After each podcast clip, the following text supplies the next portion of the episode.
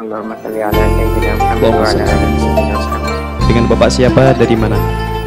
Eh, hamba Allah dari Majalengka, Bu ya. Ya, silakan. Silakan bertanya kepada Buya, Pak.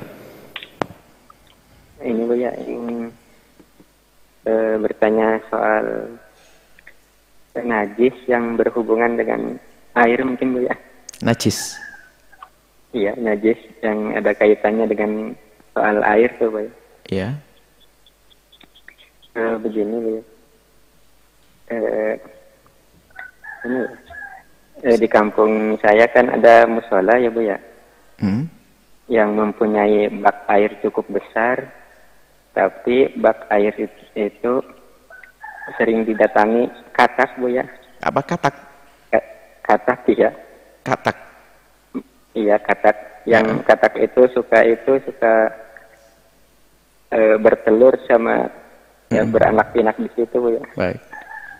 Iya hingga kemudian air itu berubah berubah sifatnya jadi berbau anyir mungkin. Apa? Berbau anyir? Iya.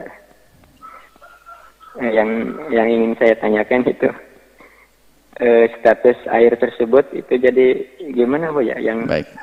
eh, so- soalnya itu saya pernah baca atau dengar mungkin ya. Kalau liur, len- lendir atau keringat hewan yang haram dimakan itu katanya najis. Apa benar itu bu ya? Baik. Eh, terus mungkin kalau misal tidak najis, misalkan itunya airnya berubah, ada berubah anyirnya masih bisa digunakan bersuci atau tidak? Baik, baik. Ya mungkin begitu saja. Terima kasih Bu ya sebelumnya. Assalamualaikum. Assalamualaikum wabarakatuh. Ada air, banyak airnya. Cuman ada kodoknya.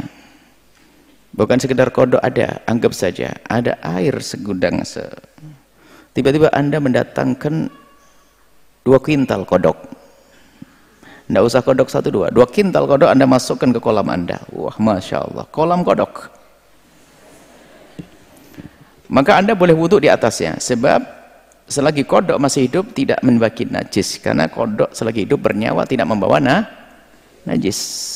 Kalau jadi bangkai baru jadi nah, najis. Kodok bukan ikan sebabnya. Kalau mati jadi bangkai. Jadi kodok tidak membawa najis. Tidak bikin najis. Kecuali terbukti setelah itu kotoran kodoknya yang merubah. Biarpun air banyak berubah karena kotoran kodok menjadi najis. Nah sekarang permasalahannya adalah berubah lendir-lendir. Dalam hal ini Anda tidak usah terlalu pusing. Jadi begini. Lendir itu dianggap sebagai sesuatu yang suci. Karena itu dari benda yang suci. Bukan itu bukan lendir barangkali yang namanya kodok ya ada. Ada telurnya. Kan telurnya tadi ada telur yang di atasnya itu yang yang bulat-bulat kecil-kecil itu. Nah itu. Telur dianggap masih hidup dalam hal ini. Telur bakal daripada binatang tersebut. Kemudian bahkan seandainya kalau itu telur sampai merubah lah ini permasalahannya adalah yang pertama selesai. Jika tidak ada perubahan sama sekali aman.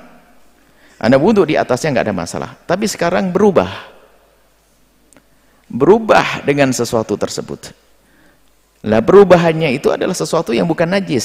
Selagi itu bukan sesuatu yang najis kalau terjadi perubahan maka dilihat perubahannya itu parah atau tidak? Perubahan itu parah atau tidak? Kalau perubahannya parah banget di kolam itu karena sesuatu tersebut berubah karena kodok perubahan yang sangat parah anggap saja telurnya banyak, lendirnya banyak dan sebagainya kalau perubahan sangat parah maka nggak boleh lagi dipakai wudhu lah sekarang pertanyaannya bagaimana kita mengetahui perubahan itu parah ulama menjelaskan bukan anda yang menilai dan menghukumi. Siapa yang menghukumi dan menilai? Orang lain yang tidak tahu apa yang bercampur dengannya. Saya buat contoh saja. Tidak usah kodok. Air yang dicampur dengan kopi. Ada air satu trim. Anda masukkan tiga sendok kopi langsung berubah jadi keruh. Bukan langsung hitam keruh saja menjadi keruh seperti kayak kena teh begitu Apakah masih bisa dipakai wudhu? Ntar dulu. Kalau memang ini, kan kopi suci, airnya suci mensucikan. Kopi dituangkan di air, berubah airnya. Nah, apakah ini langsung airnya berubah menjadi suci tidak bisa mensucikan? Dilihat dulu. Kalau perubahannya sangat parah. Gimana kita mengetahui perubahan itu sangat parah? Bukan Anda yang menghukumi, karena Anda yang meletakkan kopi ke air tersebut. Ambil air tersebut, bawa ke tempat yang beda, ampanggil orang yang tidak tahu yang Anda letakkan suruh tahu, suruh suruh ngira-ngira. Pak, sini. Anda tahu ini air warnanya berubah? Oh iya. Coba perubahannya karena apa? Jika orang tersebut mencoba dicium nggak ketemu, dijilat nggak ketemu, dilihat nggak paham apa ya? Kayak teh, kayak ini, kayak ini. Wah, kalau dia tidak paham, tidak tahu, berarti air masih suci dan mensucikannya. Begitujah kasus kodok Anda. kasus kodok Anda itu, jika ternyata Anda datangkan orang baru untuk nilai, Pak, ini kira-kira perubahannya karena apa? dilihat nggak tahu dia. Memang ada bau-bau anjir tapi baunya anjir apa ya? Apa ya? Nah, kalau dia nggak bisa mengetahui langsung maka ketahuilah air itu masih suci dan mensucikan. Kecuali langsung ah ini langsung ini bau kodok mungkin, dia dulu pernah sering makan kodok mungkin ini bau kodok hmm. berarti langsung langsung dihukumi air itu berubah berubah yang tidak bisa dipakai bersuci lagi itu kok idahnya sederhana dan setelah itu jangan anda masuk wilayah was-was ya. Dimudahkan saja urusan begini. Kadang kodok keluar masuk. Kodok nggak bikin najis kodok. Kodok nggak bikin najis. Keluar masuknya kodok. Kodok adalah su. Jangan kodok bebek. Jebur kayak. Setiap kaki bebek 10 masuk. Naik lagi. Selagi airnya tetap bersih, tidak ada perubahan ya, tetap bisa dipakai.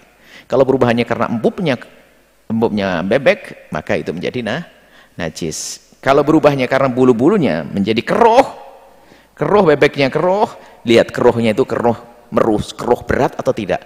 Kalau keruhnya tidak berat, maka tetap suci dan mensucikannya. Tapi kalau keruhnya tidak berat, tidak beratnya tadi. Jika ada orang datang suruh ngira-ngira, ini berubah karena apa? Kalau dia tidak tahu, maka dianggap perubahan tidak berat dan air masih bisa dipakai untuk bersuci. Wallahu a'lam